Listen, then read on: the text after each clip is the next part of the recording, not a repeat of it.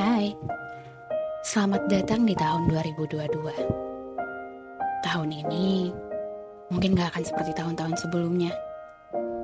Tahun ini saya memutuskan untuk tidak menuliskan resolusi. Rasanya terlalu melelahkan menyusun resolusi yang tak pernah terpenuhi. Kalau tahun sebelumnya saya ingin berlari kencang menyusuri waktu, tahun ini rasanya ingin lebih banyak berjalan menikmati setiap sudut perjalanan sambil meresapi setiap makna yang ada.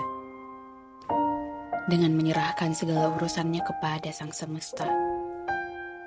Kalaupun nanti setiap pilihan di tahun ini tak pernah tepat, tak apa. Karena dari tahun sebelumnya saya belajar satu hal.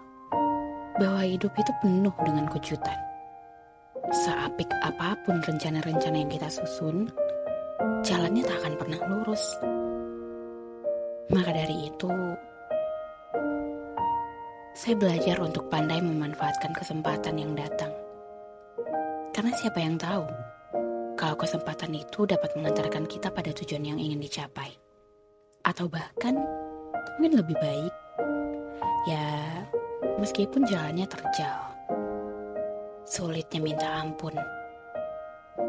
Dan arahnya kadang membingungkan. Tapi ya, jalani saja dengan tetap melibatkan sang semesta di setiap langkahnya. Oleh karena itu, mari siapkan kuda-kuda untuk memulai kembali perjalanan mencari makna untuk sebuah proses pendewasaan.